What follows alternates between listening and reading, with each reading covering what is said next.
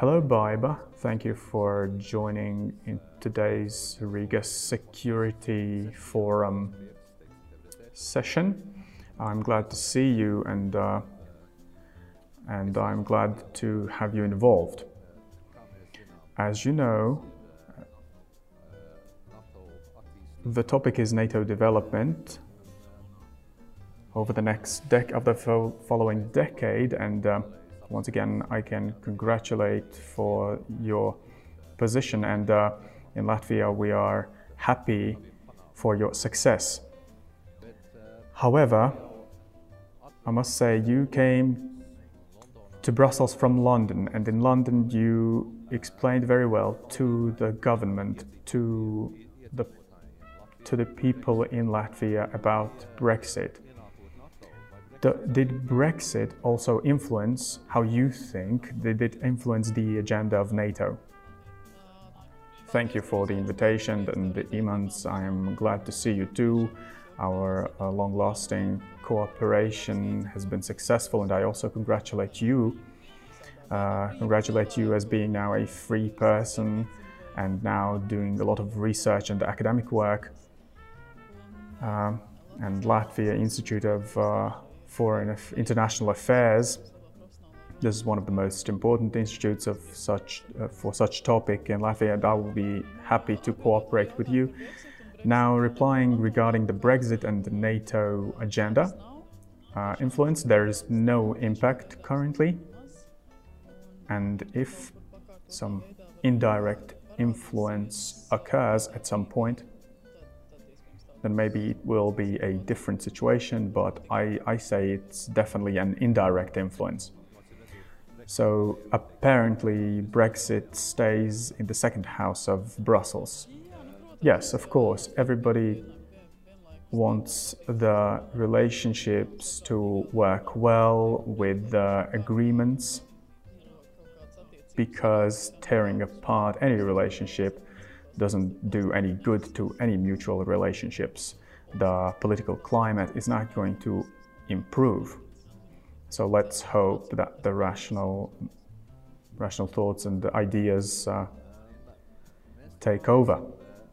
We are going to now talk more about NATO operations and we are going to speak about uh, the threats. General Secretary of NATO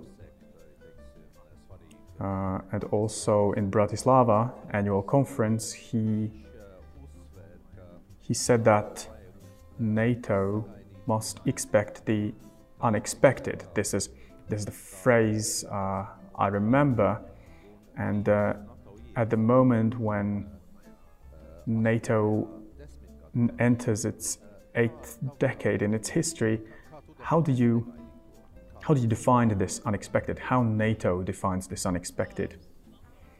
Of course, NATO is the organization of 30 states and it's a rather large ship.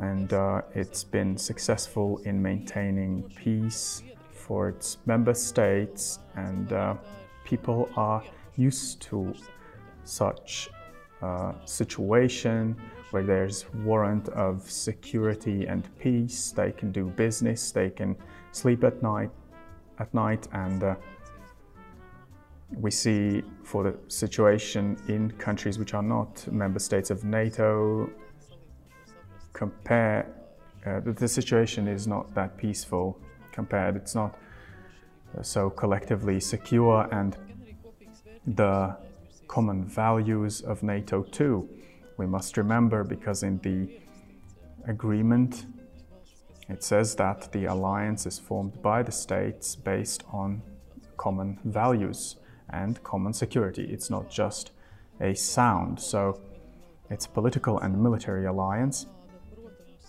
And here we must be ready for changes in the world. And the changes have occurred. There have been lots of changes, and there will be will be even more, and NATO is getting prepared for that. And as you, your Institute of International Affairs and its project also shows that the Secretary General is uh, uh, there are also uh, already thoughts and preparations for 2030 strategy and uh, today we are going to speak about it and of course NATO too internally and also in the Secretariat of International Affairs. We are thinking about the challenges. What are the scenarios of development larger or smaller uh, impacts influencing our security, what we shall do, how we should prepare to be ahead of the events. And also, one aspect we work on is the is the military readiness, political unity, of course, the the center of weight is uh, our core, it's uh, the decisions we make, and uh, currently the world is very uh, involved. The members are involved, and we share common values with the democratic states in the world. The traditional threats, for example, the unexpected behavior of different countries, and we've seen uh, Russia invading Ukraine. Uh, currently, NATO has no enemies, but at the same time, in the world, there are threats which are rather real.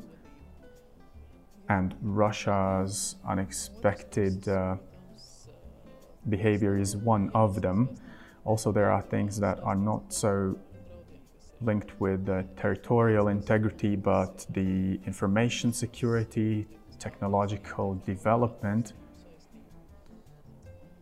and uh, hybrid threats which may occur from anywhere in the world and here the allies are worried about China's military uh, development and development of their capabilities. And uh, again, it's not an aggressor or enemy of NATO, but the large investment in their military field and in their technology and again their activities from that we see that they are not uh, willing to get involved in um, making the world more secure. So this is one of the threats. Uh, there are also various organizations uh, which are still being admitted as a threat, whether we're talking about the terrorism or we're talking about the relationship between uh, South and North Korea. In any case, one of the one of the characterizations of such states is that they violate the system they do not comply with the system in which we are and uh, which is based on mutual agreements, which is a big global threat to all democratic states in the world. So NATO must be globally involved, work with their partners closely. So these are the topics we are working on and at the same time, of course, the governments are not going to be uh, the ones to do everything uh, or should do. Uh, there are companies currently, very large companies, Google, Amazon, Apple, and we see their significance. We see what they mean in the world, also for our Western communities with their technology, their role thus is going to be in our communication, maybe even uh, their role will be more significant than, uh, than that of separate states. Uh, regarding the private sector, then we need a private sector involved also and uh, take responsibility. And also the, the community, each of us the people, the citizens of our state we have role in avoiding certain threats, inf- informational hygiene, or just physical hygiene too, and awareness of the fact that we are not spreading the fake information or maybe some not making some negative impact. So this is the resilience of people to to threats and shocks. This is a challenge, uh, challenge to all our allies, and this is important. And I think this resilience, thus, is going to be one of the most important topics uh, as we direct to the summit. You mentioned the terrorism. Unfortunately, in Paris, uh, uh, they experienced last week, and this occurs at the moment when in Europe and elsewhere uh, people are fighting and the governments are fighting with pandemics of COVID 19. In your opinion, is the terrorism a larger threat than pandemics? Well, these are completely different things. However, if we talk about the level of threat uh, from the virus and from terrorism and how we feel it in maybe the pandemics is more felt in in southern Europe, but here we feel uh, the threat of Russia more, and there's such imbalance. How is NATO and uh, maybe what are the steps taken by NATO to uh, to fight these threats also from the viewpoint of pandemics.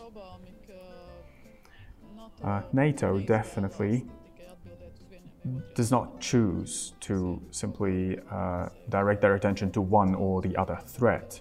This, uh, we are focusing on all sorts of threats, and as NATO, it is important for us to be able to uh, to take action against any uh, threats, cyber uh, threats, uh, or space policy now when we're developing there are also uh, different uh, various activities and measures. whether there's one or the other threat which is larger, I, I don't think we can compare because the crisis as the pandemic uh, in the form of pandemics. It's, uh, it's related and it's ongoing in all states. And uh, in such situation, uh, not NATO, not any other organization is not alone. But at the same time, we must say that NATO was one of the first to react to pandemics uh, and uh, providing support to civil structures um, with their equipment and transporting the medical staff, uh, also provide the transportation for mobile uh, different uh, medical uh, medical solutions and we saw it internally in different states. Uh, also, we saw the cooperation which uh, was uh, coordinated by NATO. Definitely.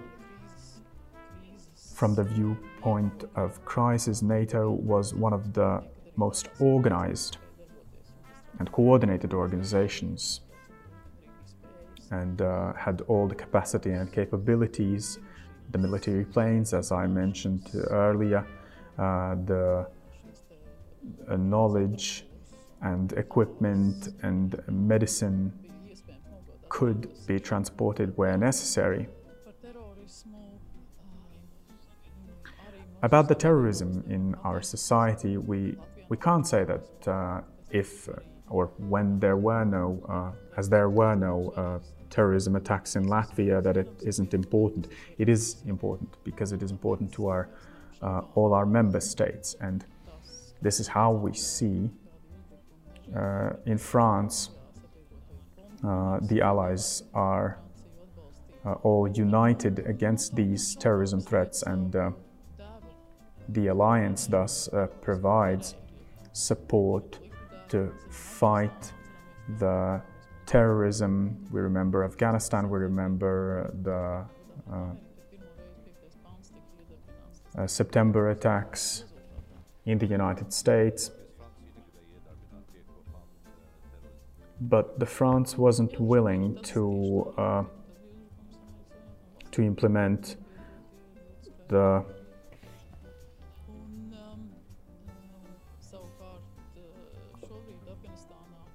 However, now in Afghanistan, we see how the talks uh, progress, but um, we see the progress and uh, the attacks to NATO states from Afghanistan do not occur any, anymore.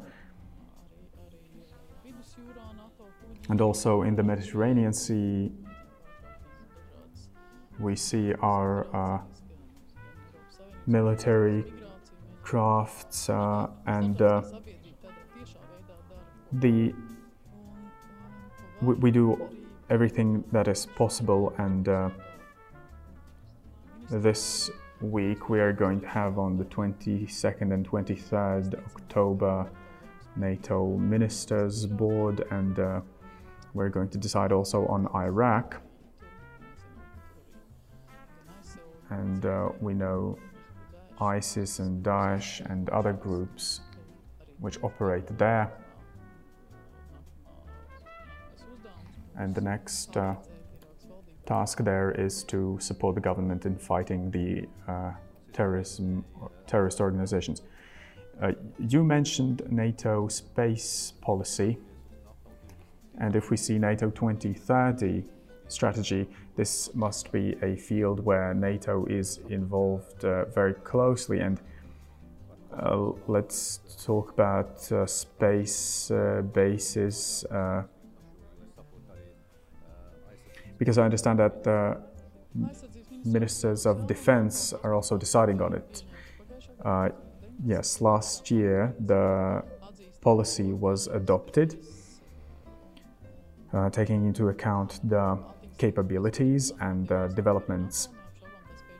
And currently, uh, NATO capabilities and capabilities of separate member states uh, are sufficient, but we are talking about the communication between various uh, organizations uh, and allies and all the communications working by means of satellites. Of course, uh, it is a topic of uh, NATO agenda, very much so, and there have been states uh, trying to uh, test some weapons in space, and now NATO should understand what can we do as an organization. How can we address this? And uh, we should be talking about uh, how NATO addresses this as an alliance, uh, not how separate uh, states do it. Now we're developing the Space Center, and this is going to be uh, a gradual process. And here we also enter the technological uh, question, which is of increasing importance. And you already mentioned China. Is there any uh, uh, policy of NATO, uh, for example, on 5G. Um, one of the resilience baselines regarding the 5G, it is one of the requirements of NATO, which provided for implementation of 5G uh, for communication and for other uh, resilience related topics. So does NATO have opinion on 5G and China? Yes, as I said, uh, this is one of the resilience criteria. Uh, the states, uh, the member states must uh, develop 5G networks and they must make sure that it is um, uh, secure and must uh, provide practical daily operations of it. Uh, the China, for example, last year uh, they adopted the declaration, uh, the NATO adopted a declaration mentioning China uh, in London summit.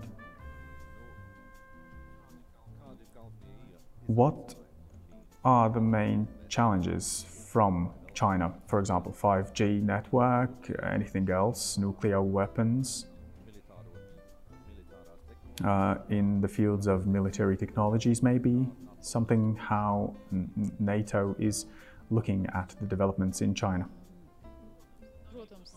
Of course, part of the information uh, which I know it's uh, classified, but um, it's no secret that the USA is trying to get China involved in uh, nuclear uh, weapon uh, programs and uh, limiting them because China has increased and developed their capabilities, and this is related to uh, increase of military capabilities. And we've seen that this has been the most rapid growth we've seen uh, between different countries, and this uh, again is a threat not only to alliance, to separate member states. Of course, we've seen cyber attacks and the development of different capabilities related to modern technologies on data acquisition and processing and uh, its use and in and at no point do we feel anymore that China is willing to do it with uh, other countries, other states, and that they want to cooperate and uh, also uh, obey uh, certain uh, regulations, and this uh, does mean threat to us, and this was also the topic in London we discussed, and there were separate conclusions drawn. And of course, there are uh, climate change where without uh, serious involvement of China, and not only involvement, but also activities in reduction of uh, global warming impact, it will be difficult to reach solutions with uh, ever rising uh, pollution and emissions. Uh, to compare, I just I can only say that uh, Europe accounts for 12% of the greenhouse gas emissions, uh, the larger of which being China. So China must be the one of the most responsible partners in this. They must be aware. We do not view them as an enemy.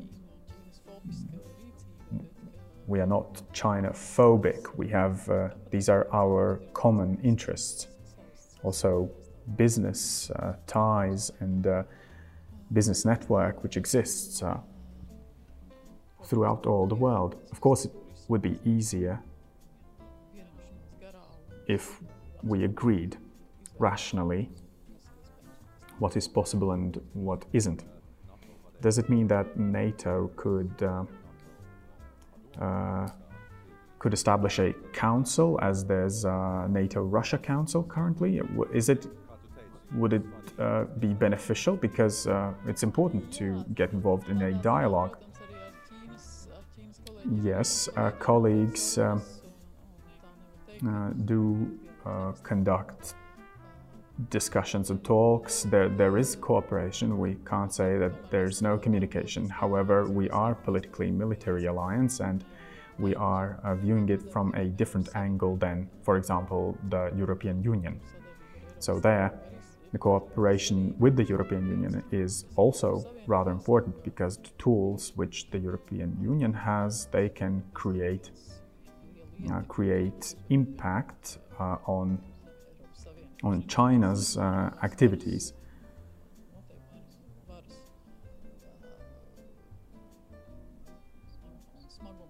Because the China is a major player, and uh, maybe there are some advantages that can be seen from from the viewpoint of trade in between uh, the European Union and China. So this is why we are uh, we are maintaining communication with colleagues from the European Union as well. And so I mentioned uh, NATO Russia Council, which I don't remember, but in the 90s, before the expansions began, uh, over those years, uh, the, these were the best years of uh, cooperation between NATO, Russia, people and uh, the partners were talking about uh, even uh, uh, Russia joining NATO, but the time, this time has passed, and the question now is whether NATO Russia Council uh, is, so to say, expired. Well, it's interesting to remember Bucharest summit, where there was uh, Putin and there were uh, meetings with uh, of NATO Russia Council, also with uh, President Medvedev at that time. Uh, there were different times. We've seen them. It's been a state with which we could have a dialogue. We could uh, look at uh, uh, common solutions. And when Syria chemical weapons were destroyed, uh, NATO was uh, communicating about joint activities with Russia and uh, Russia would support uh, the security. We've had different stages in our relationships, but since uh,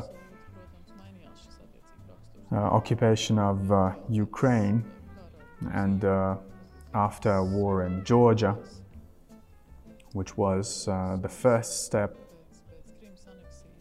and after annexation of Crimea, the relationship have changed completely. If there are people who say that NATO does something wrong or the Western community does something wrong, well, there is no uh, justification to that.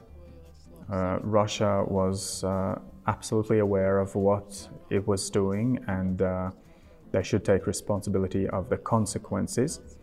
And there is currently a military operation ongoing, which is, which is definitely planned and being organized in Ukraine, in the eastern part of Ukraine, and it is being organized by Russia.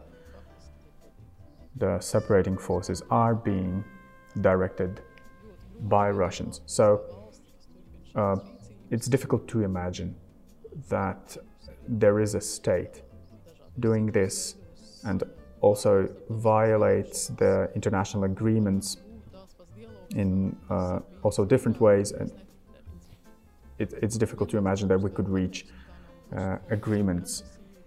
Uh, at the same time, I want to say that we do not exclude the possibility of um, having Russia uh, comply with international agreements and NATO has said and the Secretary General also expressed that we are ready to uh, sit uh, together and uh, discuss the possible solutions. Everything's possible. There are uh, people who believe that it is important to have a dialogue with Russia, despite Russia actions.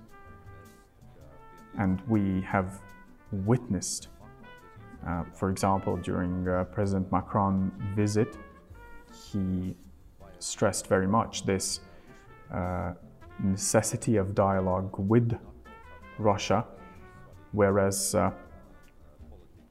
in NATO, it is important for us to have both dialogue and this security. Uh, it, it's uh, it's topical today too. We have there are uh, diplomatic relationships between NATO and Russia. Uh, there is an open dialogue. It, it, however, cannot continue as it as it is currently and on the highest level. It's not progressing, but uh, it can happen on various levels uh, through embassies and through other uh, points of communication. Well, what are those points of communication which you mention? Well, if there were a possibility of dialogue, where would be this uh, connection point with Russia? Or and also considering the uh, latest events when Russia used chemical weapons in their territory. Now we are aware of uh, cyber attacks also uh, during the Olympic Games, during the planning for Olympic Games. So, what are the communication points uh, which we can maintain? Well, the alliance uh, is ready to speak about the issues. Uh, we, we've had the committees, we've had uh, uh also our uh, joint position we uh, expressed and published, and in summer regarding the cyber attack to health institutions and other cyber attacks, we reacted. And and condemned. So, so these uh, topics in the community and uh, important for uh, our alliance, we, we, we are not remaining silent, uh, uh, silent because we are aware that we should be also talking about some critical uh, events and topics. In the future, though, do you see NATO Russia Council and how do you see their work? Well, NATO have expressed that uh, has expressed that we are open. Uh, we know what is our agenda. We are not, uh, as uh, Russia uh, Foreign Affairs Ministry, which, uh, for example, says that there's no point of even talking, having communication. What about Ukraine then? And uh, discussions there within uh, NATO Russia Council. Is it on the agenda? Yes, Ukraine is uh, important state for cooperation with NATO. It is cooperating partner. Uh, NATO also participates in uh, exercises. Uh, cooperation there have been long-standing, and the Ukrainians share their experience, we share ours. It is definitely the, the, the issue of Ukraine is uh, on the agenda of NATO Russia Council. And um, you mentioned the resilience and uh, capabilities of ensuring collective security of the alliance. There must be certain requirements met and also for NATO forces to be able to be mobile uh, from in between different uh, locations. Here's the question about the military mobility. It's been on the agenda of uh, the European Union, uh, where we see that uh, this question is also related to and uh, is discussed within uh, Rail Baltica project. But what does NATO currently see? What are the developments of this military mobility? It, it's going to be, it's going to have an impact on us directly. Again, the main tasks of NATO, which is collective security, crisis management, and stability, uh, ensuring the stability, it's not only a military task, it is the uh, it is the security of our people we uh, are also working on, and we cannot imagine working with it only in, uh, within military topics. Our collective agreements also talk about being resilient and uh, being compliant with uh, certain rules. Practically, it means, uh, for example, uh, uh, addressing uh, certain shocks and and threats, and it is related to not only the alliance but also to all the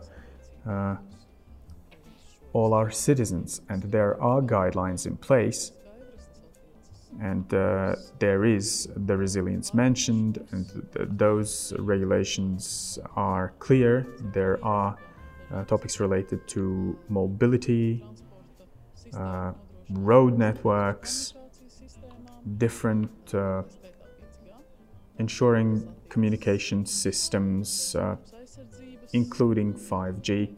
It is related to health protection, system resilience, and also now, uh, during the pandemics, we've seen how important it is that there are capabilities uh, uh, of uh, the states to resist, and the governments uh, shall continue working, shall continue cooperation and communication with their uh, with their citizens. So the guidelines uh, describe it uh, fully, and uh, when talking about the mobility, when we think about how there are uh, there are soldiers from Canada, from different other states, and also us Latvians are involved in in common security ensuring. We've been in Kosovo, in uh, Afghanistan, in Iraq, and also our presence in Lithuania, in Poland, in Estonia. There are NATO forces and units, and uh,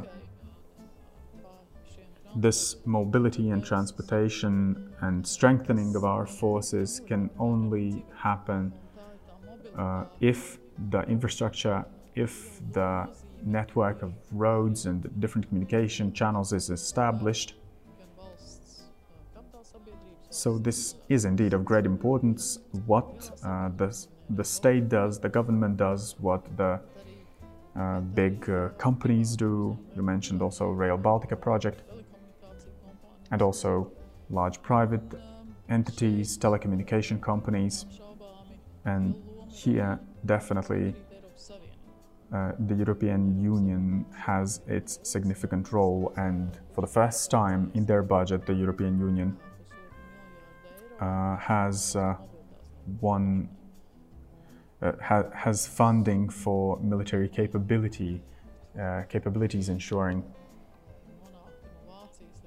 because from Germany to Latvia, to get from Germany to Latvia, well, on the border of Poland, uh, when you are being inspected, um, uh, are there uh, railroad platforms in place? And maybe th- there are just practical things uh, which support the civil infrastructure it is significant, especially for the Baltic states. It is important for it to be present, to be there, to ensure uh, the security, uh, maintain maintenance capabilities.